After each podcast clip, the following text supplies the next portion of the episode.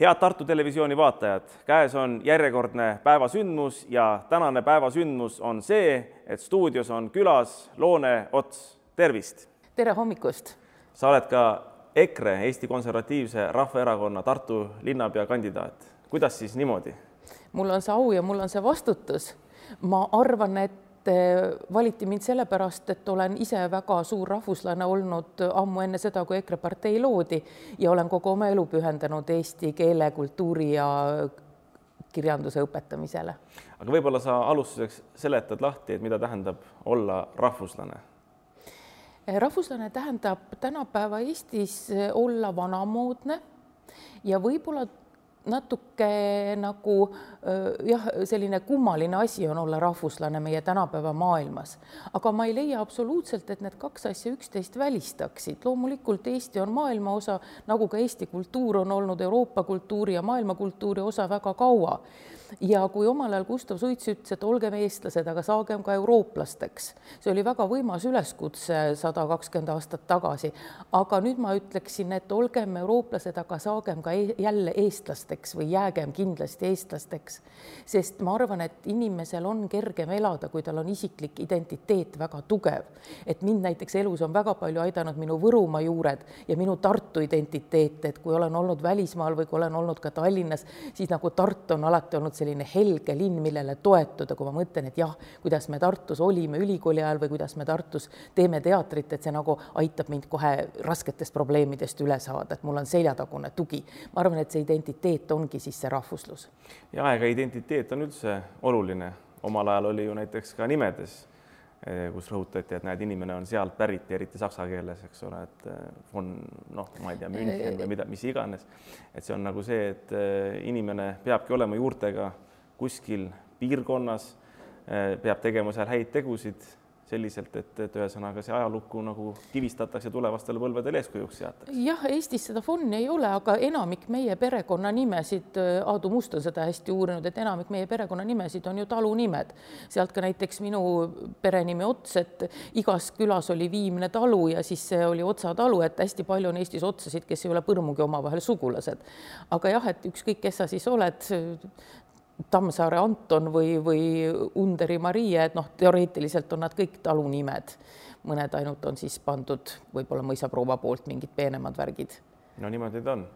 Äh, aga kui me juba räägime äh, rahvusest, äh, siis üks Eesti Konservatiivse Rahvaerakonna loosung on, et jätame või hoiame Tartut Eesti linnana, mida see tähendab? see tähendabki seda, ma ise olen hästi palju, ma reisin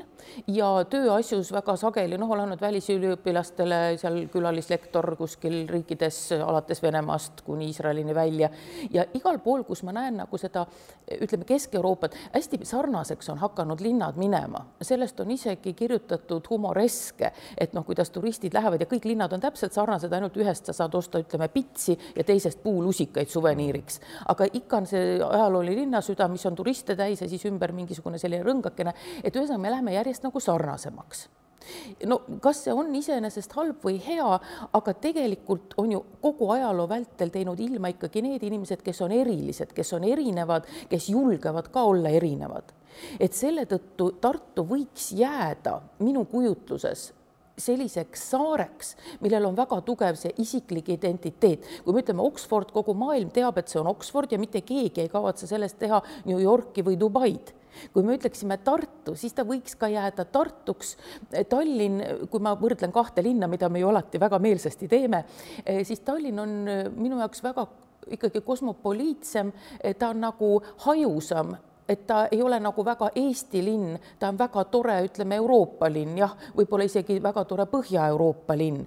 aga seda, mis teeb Tallinnast Tallinnat, pigem siis me näeme kultuurisaadetes, aga Tartu on meie ümber, et me elame nagu selle äh, rikkuse keskel ja me peaksime seda rohkem tajuma, kui rikas tegelikult on meie linn. Ja just hoidma seda rikkust alles, et võib-olla need äh, maamärgid, Tartu ajalooline jah, selline äh, välimus et võib-olla seda ei tasuks rikkuda kahekümne viie korruseliste pangahoonetega, võib-olla see Tallinna kilukarbi siluett on kahtlemata täienenud ja uuenenud, aga võib-olla isegi oli ta enne palju-palju ilusam ja terviklikum või nagu kompaktsem nagu ühes suunas, see identiteet jälle, sest kõrghooneid on meil igas maailma linnas, neid siluette on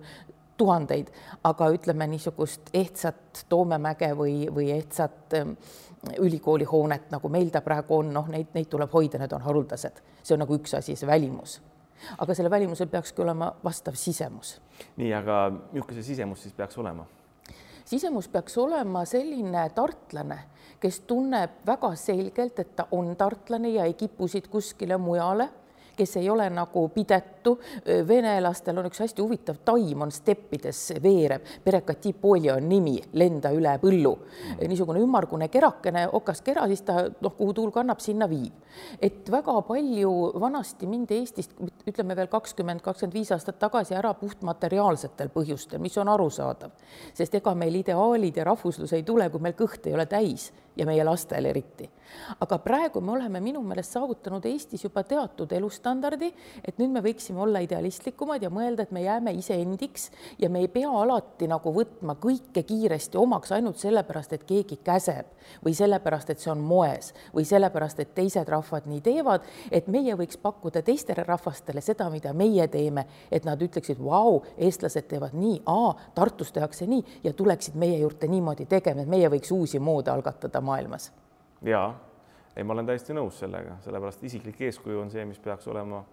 eh, nii rahva sees kui ka ütleme konkurentsis või ütleme võistluses siis teiste rahvastega. Ma olen kakskümmend kolm aastat õpetasin Tartu Ülikoolis välistudengitele just eesti keelt, kultuurilugu, Baltikumi võrdlevat kultuurilugu. Ja minu kõige ilusamad hetked on just seotud sellega, kui näiteks tuleb Hollandi noormees pärast eh, loengut ja tänab mind ja ütleb, et tänu teile ma hakkasin rohkem uurima oma Hollandi kultuuri, millest ma minevikust ei teadnud mitte midagi, et noh, see ei ole nagu huvitanud ja nüüd ma tean tegelikult oma kodumaa ajaloost, ma tean oma kodumaa kultuurist ja ma oskan seda Eestiga võrrelda ja suur aitäh. no imetore, et me kõik peaksime oma juuri tegelikult tundma, väärtustama ja leidma just, et see on meie rikkus, et meil on õudselt vahva, et me oleme selle pärijad mm. -hmm. aga no meil on, ütleme Eesti teatud piirkondades, no mõned ütlevad keele probleem, aga mõnede jaoks see ei ole probleem, ilmselt nende jaoks äh, kelle emakeel ei ole eesti keel. aga ikkagi, kui me vaatame nagu riiklikult seda asja, Eesti riigikeel on eesti keel, sellest ei saa üle ega ümber, siit ei tohi nagu tagasi astuda. Eh, ma leian, et aga kuidas siis teha niimoodi, et eh, eesti keel oleks südames ka nendes piirkondades, nendel inimestel, noh, kelle hiljutised esivanemad ei ole Eesti päritolu.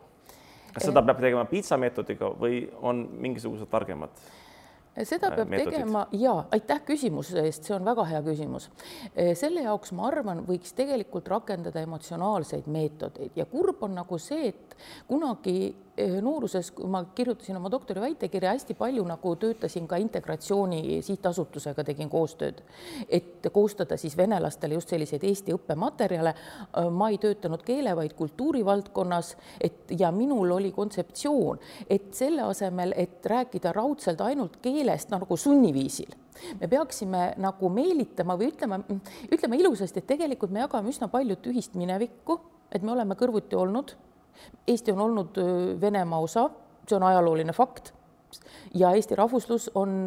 siis loonud nagu selle iseseisva Eesti, aga iseendast me ei ole nii võõrad ega me ei ole nagu vaenulikud. ja muide, kui ma võin vahele segada, ega see ei ole üldsegi halb, et Eesti on olnud Venemaa osa. ma toon siin Laidoneri ühest kõnest, ma ei tea, kas tsitaadi, aga selle mõtte edasi.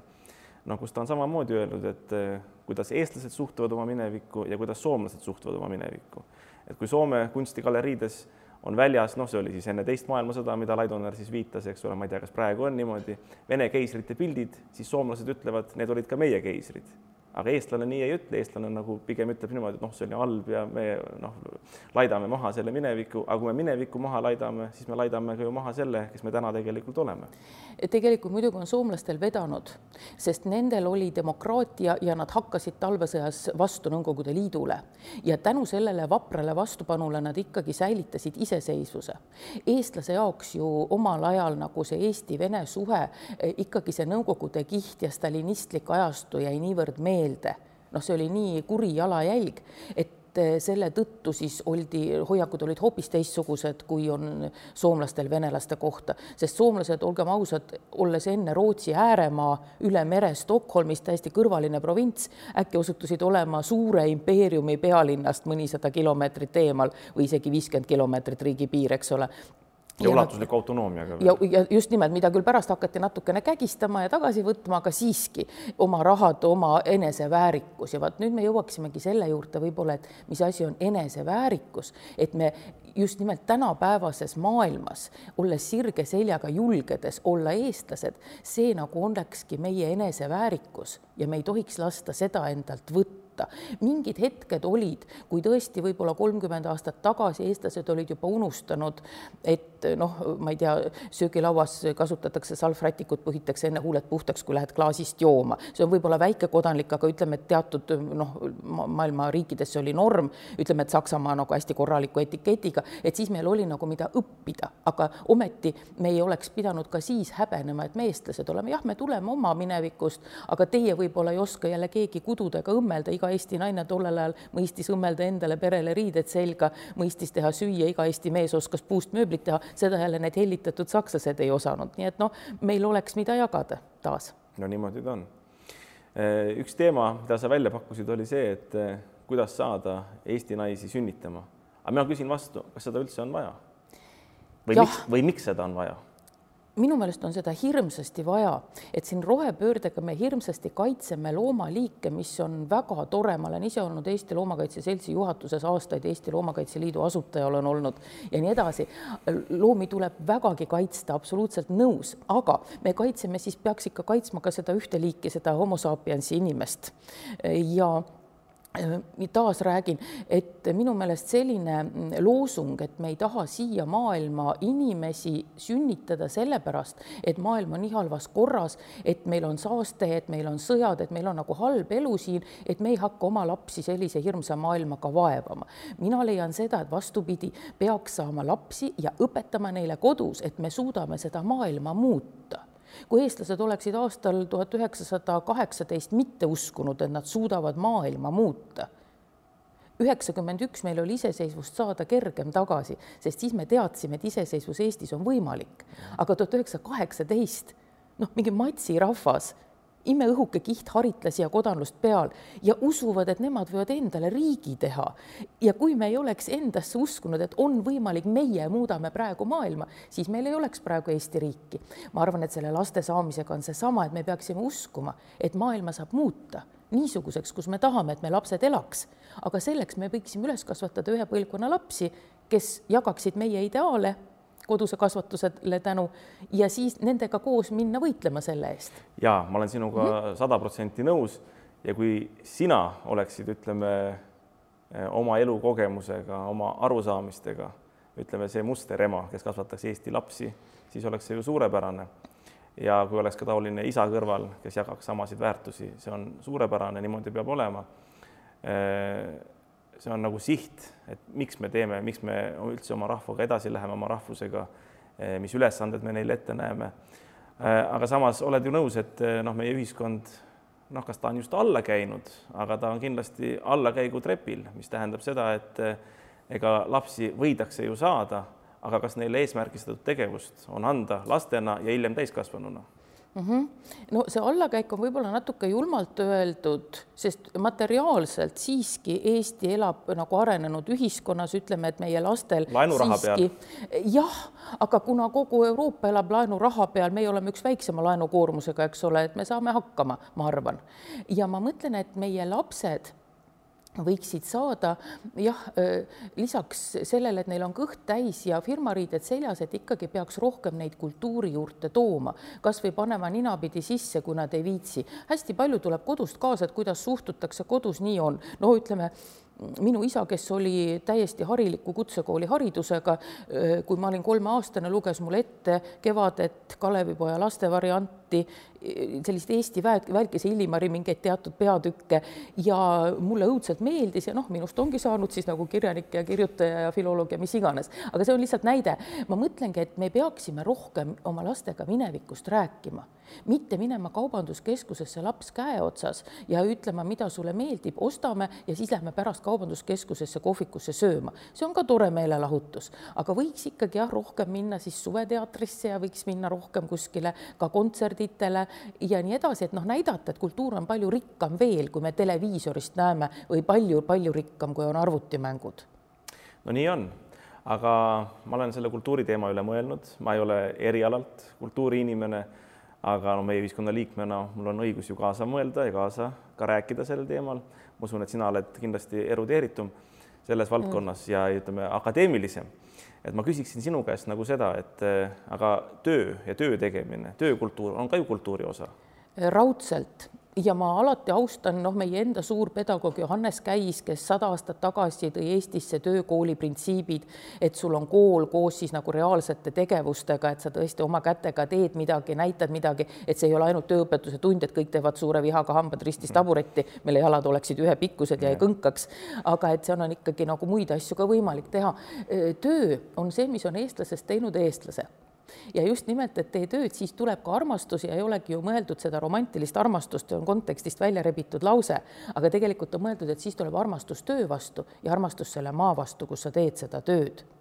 Nii et lastele nagu varakult tööharjumuse õpetamine oleks tegelikult hädavajalik nüüd on taas küsimus, et kuidas me siis teeme seda suuremas linnas, et kuidas noh, kui meil on kodus nõudepesumasin, me ei saa öelda pese nõud ära. noh, me saame, meie peres on muide probleem, et kes võtab nõud masinast välja, et ikkagi noh, ega noored ei, ei kipu hirmsasti tööd tegema, kui ei kästa. aga ütleme, et töö võib olla eh, just see, et see ühiskondlik hüve, et sa nagu saaksid aru, et sa võid teha midagi täiesti tasuta oma vabast ajast teiste heaks ja mulle väga meeldib näiteks, et Toidupangas käivad lapsed ja noored, et selliseid sotsiaalseid teemasid tehakse. samas ma ei näeks ka ühtegi põhjust, et näiteks lapsed ei võiks tulla rehadega riisuma Toomemäge koolitundide arvelt, just nimelt, et see on ka töökasvatus, aga me jätame nagu nad eh, sellisest tööst ilma, me õpetame neile õppeaineid, et kool on nagu selle pigem siis nagu faktide omandamise ja nende seostamise paik, aga võiks jah, rohkem võib-olla olla seda sotsiaalset sidet ja sotsiaalsust. Ja just nimelt sellist nähtavat sotsiaalsust, mitte et mul on tunnis teooria inimese õpetuses, et kuidas ma teiste heaks midagi võin teha, panustada. just see vabatahtlik panustamine, ma arvan, see vabatahtlikkus on väga tore ja see on ka meil juurtes olemas, seesama ühine veimevakka tegemine, et kui tütarlaps läheb mehele, et siis kõik tulevad tema juurte kokku, tehakse üheskoos näputööd, tantsitakse, flirditakse poistega ja siis lõpuks on nagu tema veimevakk täis ühiselt tehtud asju, see on ju tegelikult väga armas ja tore. ja nii on. Äh, aga äh, mis sa arvad, kas Tartus sinu juttu siin kuulates kas me ei võiks teha niimoodi, et eh, kuidagi see töökasvatus oleks korraldatud kesksemalt, näiteks linnavalitsuse poolt, no ma ei taha öelda, et käsukorras, aga ma tahan öelda seda, et eh, võib-olla võimaluste, süstemaatiliste võimaluste loomise korras, see on siis niimoodi, et eh, erineva sotsiaalse taustaga, erineva ühiskondliku taustaga,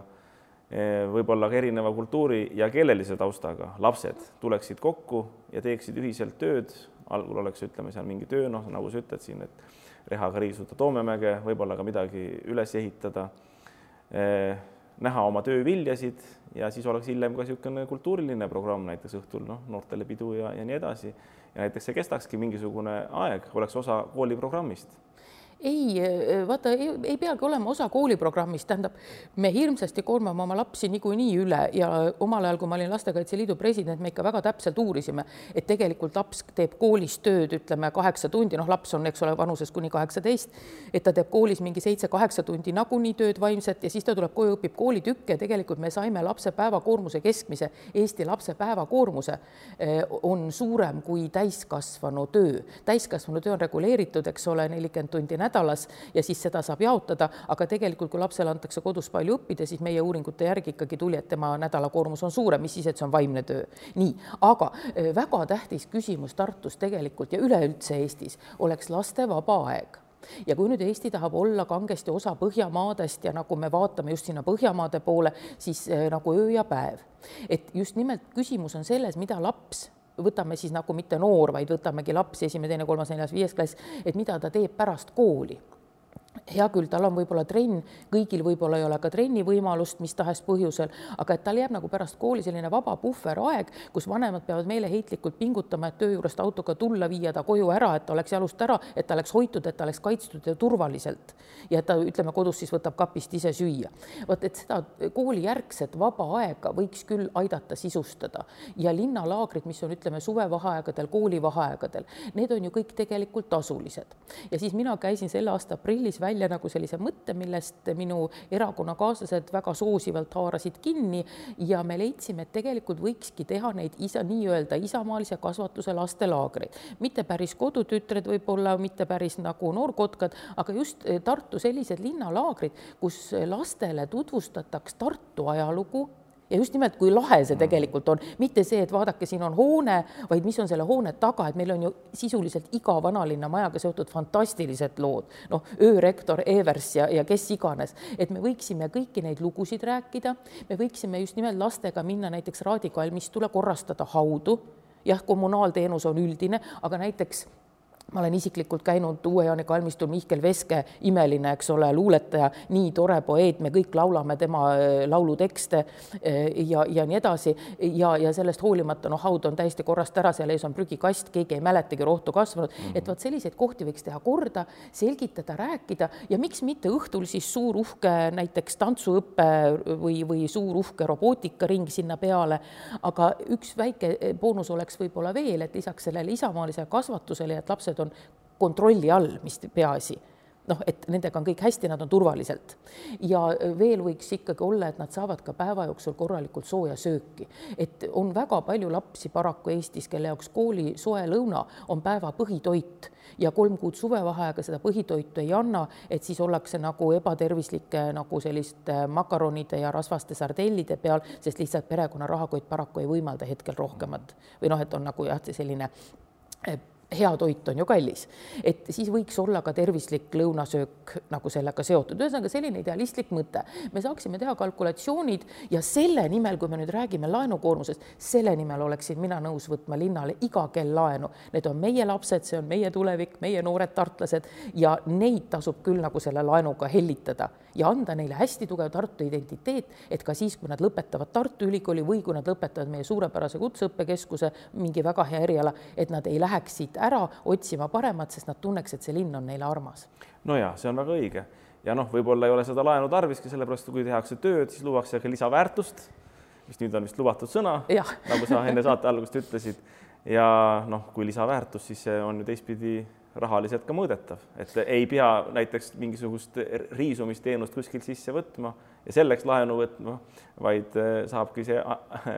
see Toomemägi näiteks ära riisutud laste enda ühesõnaga siis tööjõuga ja mitte, et ma siin propageeriks lapstööjõudu, aga see on meie ühine linn. vaba tahte tööjõud, mitte see, et laps pannakse orjatööle, vaid vaba tahte tööjõud. Ja lapsed ise muide väga tahavad tööd teha, tegelikult inimesel on vajadus olla kasulik see on ka minu meelest üks inimese kui ühiskondliku looma selle zoooni üks osa, et inimesel on vajadus midagi teha, et isegi puhkuse ajal eestlane võtab mingid arvutid ja teeb tööasju ja, ja naised teevad näputööd ja, ja kuidagi tahetakse kogu aeg midagi teha, et oleks noh, kasvõi see, selle asemel, et puhata ja osta sisse niiduteenus, et noh, ka rikas eestlane oma maja ümbrust niidab ise, talle meeldib, noh, ma olen näinud Tauno Kangrot, kes niidab mingit tohutut, mingit mitme hektari suurust krunti oma masinaga ilma traktori traktorita ja talle lihtsalt meeldib, et see on meil nagu natuke veres. muidugi ma ütleksin, et see, kui me suudaks oma lastes kasvatada head Tartu vaimu, see on hindamatu, ega seda rahas me mõõta ei saa aga selle jaoks raha me saame mõõta ja seda tuleks leida. no nii on ja ei ole midagi paremat kui rahulolu hästi tehtud tööst. nõus. ja üks asi, mida me minu arvates veel sellega saaksime lahendada on põlvkondade vaheline lõhe, mis paraku on olemas, ma näen seda tänapäevaste noorte pealt, suheldes nende noortega. Eh, mitte kõigil ei ole niimoodi, aga on minu arvates, mulle tundub eh, halvustav või natukene irooniline suhtumine noortel inimestel või lastel vanematesse inimestesse olen tahtnud sellest kirjutada, et tegelikult noh, kui me kasutame nagu hästi selliseid värvilisi sõnu või selliseid tugevaid sõnu, siis meil on täiesti olemas eakate rassism paraku. Et eh, kui me, et nagu see suhe eakas või, või noh, see tänaseks noh, me, meil on mitmeid sõnu, mida me nagu juba on märkusega õigekeelsussõnastikus, et see on nagu halvustav, et noh, soovitatav on mitte kasutada, aga samas näiteks kui me ütleme pensionär, siis tegelikult see sõna on väga paljude jaoks halvustav, see nagu alandab hoobilt ära ja mis minule näiteks noh, torkab silma, et eakate inimestega näiteks otsekohe tuleb arsti juures käies absoluutselt teine suhtumine, esiteks neid sinatatakse, meditsiinipersonal hakkab kohe sinatama ja teiseks, mis ei ole lugupidav, eriti veel vanema põlvkonna inimese jaoks on ta topelt mm. nagu ebalugupidav. Ja teiseks tuleb kohe see, et hakatakse näiteks kõvema häälega rääkima, eeldades, et kuna tal on passis see tempel, et siis ta niikuinii ei kuule aga muide, see hakkab koolist pihta, sellepärast et kui mina käisin esimeses klassis, siis mulle kaheteistkümnenda klassi poisid, kes kõik käisid ülikondadega ja mina hakkasin ka tänu sellele käima ülikonnaga mm. -hmm. hiljem kadus see paraku nagu üldise sellena ära ja see ei olnud mingisugune kohustus, et käia, aga toonased poisid käisid ülikondadega lihtsalt. ja nad tõusid ka alati püsti, kui õpetaja tuli, ma küsisin esimese klassi poisina, miks te nii teete. ta ütles, et aga see on ju lugupidav, nad on ju siiski meie õpetajad Me, ja, aga tänapäeval ma vaatan seda, et kooliõpilased näiteks sinatavad õpetajaid, mis ei ole noh, tegelikult ju õige ja sealt see kõik pihta algabki. see võib olla kokkuleppe korras, kui mina olin nooruke õpetaja, läksin kaheteistkümnendasse keskkooli praegusesse Hansa kooli nagu noorukese õpetajana, lapsed olid väga toredad ja siis me noh, kuidagi leppisime kokku, et meil oli kokkulepe, et mina ütlesin, et öelge siis pealegi mulle sina, väga paljud vanad õpetajad ka vaatasid nagu väga imelikult, et lapsed ja õpetaja on sina peal, aga meie vanusevahe oli väike ja meil oli tõesti nagu väga meeldiv sina suhe, et laste lugupidamine minu kui õpetaja vastu selle all ei kannatanud, et see on on nagu hoopis üks asi, kui me teeme kokkulepped. kui ka meditsiiniõde teeb kokkuleppe vanadaamiga, et kas me või vanadaam õigemini ütleb talle kui vanem, et äkki me nüüd võime sina ka rääkida, et sa oled nii tore nagu oma süstlaga, siis on see täiesti loogiline, aga alati need on kahepoolsed kokkulepped ja. ja just see eakatest lugupidamine peaks olema meil suurem ja kui ma mõtlen ka, et Tartu linnas eakaid on rahvastikuregistri andmel umbes viisteist tuhat, praegu see arv kasvab paari tuhande võrra juba mõne aasta jooksul, et siis nad on tegelikult väga muljetavaldav osa meie füüsiline osa meie linnastik, linna rahvastikust ja kindlasti neil on ka väga suur väärtus, sest nendel on elukogemus ja nemad on selle linna heaks, ütleme, enamik neist eluaeg panustanud. Nemad on teinud Tartust jälle selle Tartu, mida meie praegu näeme omal ajal, aga me nüüd nagu ei näe seda, kuna meil on nüüd nagu noh, hoopis teised maamärgid ja nii edasi. ja mul on alati kurb ja mõe, nagu halb mõelda, et hästi paljud eakad, kelle lapsed näiteks töötavadki välismaal või, või kes on nagu mis tahes põhjusel elavad üksi oma korterites ja kelle lähedased näiteks on kas kaugel või on üldse lahkunud ja nii edasi, et nad on väga üksi. ja siis nüüd siin oleks selline põlvkondade side täiesti loodav, Tallinnas on seda tehtud vabatahtliku projektina ja ma näen kõrvalt, et see projekt nagu väga hästi toimib ja küsimus on lihtsalt no lihtsalt selles, et eakam inimene tunneks, et keegi temast hoolib, et teda siiski on nagu kellelegi tarvis või et tal on keegi. selle nagu Tallinna projekti raames nagu noored inimesed pannakse, palutakse, et nad helistaksid ühele üksikule eakale noh, kord nädalas või niimoodi ja vestleksid temaga, et kuidas tal on ja nii edasi. ja ma olin väga uhke, kui minu noorem tütar, kes seal projektis osaleb, me kutsusime teda endaga kinno ja meelt lahutama ja ta ütles, et vaatas kella, ütles, et mina ei saa tulla, et ma nüüd lähen rääkima telefoniga, et ta nagu eelistas seda vestlust siis sellele pillerkaarile, mida me isaga tahtsime talle pakkuda. ja võiks olla nii, et see võiks olla just nimelt süstemaatiline, sest mul on kurvad kogemused, kõik vabatahtlikud asjad on õudselt toredad, kuni A kestab projektiraha, B kestab mm. huvi, C noh, inimesed, kes teevad lasteprojekti, nende lapsed on väikesed ja pärast see lihtsalt uubub. et võiks siis olla tõesti, Tartu linn võiks käivitada, ütleme, nimetame seda, noh, ma ei tea, kas see on hea sõna, nimetame näiteks sõbravalveks et just nimelt keegi kord päevas või kahe päeva takka helistab, ütleb, et tervist, Aino, kuidas teil praegu läheb, kas kõik on hästi? Ja kui Aino ütleb, et mul on väga halvasti, mul praegu pea käib ringi, vererõhk kõrge, siis see keegi võiks öelda, et Aino, aga miks siis me ei lähe arstile või teie või noh, ühesõnaga suunata või julgustada kasvõi noh, vana Marti, mingu arsti juurde, mehed ju ei taha minna, et ühesõnaga ja just nimelt see, et keegi nagu küsitleb, keegi räägib. meil on samasugused kogemused, ütleme näiteks Iisraelis kus äh, koolilapsed käivadki niimoodi, vana, üksikute eakate nimekiri on olemas ja meie Iisraeli tuttav vanadamm ütleb, et ühel päeval uksekell, mina ei tea midagi, teen ukse lahti ja seal on kari noori lapsi, neil on käes sünnipäevatort põlevate küünaldega, kes ütlevad, et meie ei tea, millal on teie sünnipäev, aga me mõtlesime, et teil oleks tore pidada seda täna.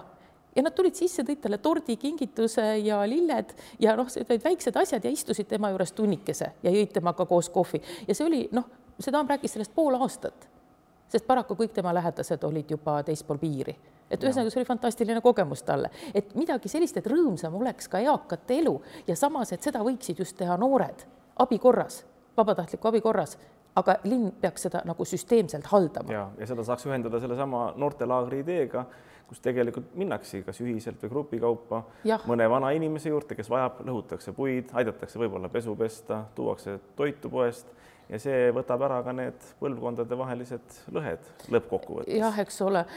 nüüd kõik kindlasti halvustavad, ütlevad pähed timurlased, et see on nagu nõukaaeg, aga ma ei leia, et see oleks halb idee, ükskõik mis nimega me seda nimetame, et kindlasti see oleks vajalik, aga see oleks rahvuse kasvatamine see oleks eh, rahvuse kindlasti kooshoidmine, jah, ja uue põlvkonna kasvatamine. Ja kindlasti Tartu Ülikooli tudengid otsivad osalise tööajaga tööd, enamik neist käib kuskil nõusid pesemas või käiakse spordisaale pesemas või noh, et need on nagu sellised tööd, mille jaoks tegelikult noh, ei pea olema, ütleme näiteks psühholoogia magistriõppe tudeng ja siis ma just mõtlesin, et võib-olla siis ka tudengitele pakkuda väikest nagu tõesti töövõimalust, et see olekski, et nad seda võib-olla seda telefoni siis kasutaks ja või oskaks nagu neid üksikute probleeme paremini noh, just nimelt teha, võtta inimestelt ära see depressioonieelne seisund, et nüüd mul noh mille järel ta juba enam ei taha üldse suhelda ja ongi kurb. et võib-olla siis need äh, noored psühholoogiatudengid, äh, noh, fabuleerides, fantaseerides, võiksid siis tulla, äh, tulla appi ja loomulikult võiksid nad siis ka tasu saada, et mitte ainult praktika, vaid ikkagi kerge tööots, mis vastab rohkem erialasele profiilile, sest tudengitel tegelikult võiks olla juba ülikooli ajal võimalus oma erialaga nagu tutvust teha ja nuusutada. see on ka suur probleem, et praktikakohti tegelikult ei jätku. täiesti nõus aga tänaseks on meie saateaeg läbi, kui sa oled nõus, siis võib-olla nädala või paari pärast saaksime sinuga uuesti kokku ja räägiksime ka järgmistel teemadel, sellepärast need teemade ring on ju päris lai, mida me siin ühiselt vaatasime, et võiks arutada. olen väga õnnelik eh, toreda inimesega arutades ja tõesti kõik Tartu probleemid on ju kõigile meile tähtsad, et see on ikkagi meie ühine Tartu. nii ta on, aga see oli tänane päevasündmus, päevasündmus oli see, et meil käis stuudios Loone Ots Eh, mõelge selle jutu peale, sünteesige seda oma ajus ja ega midagi, kohtumisteni järgmistel kordadel.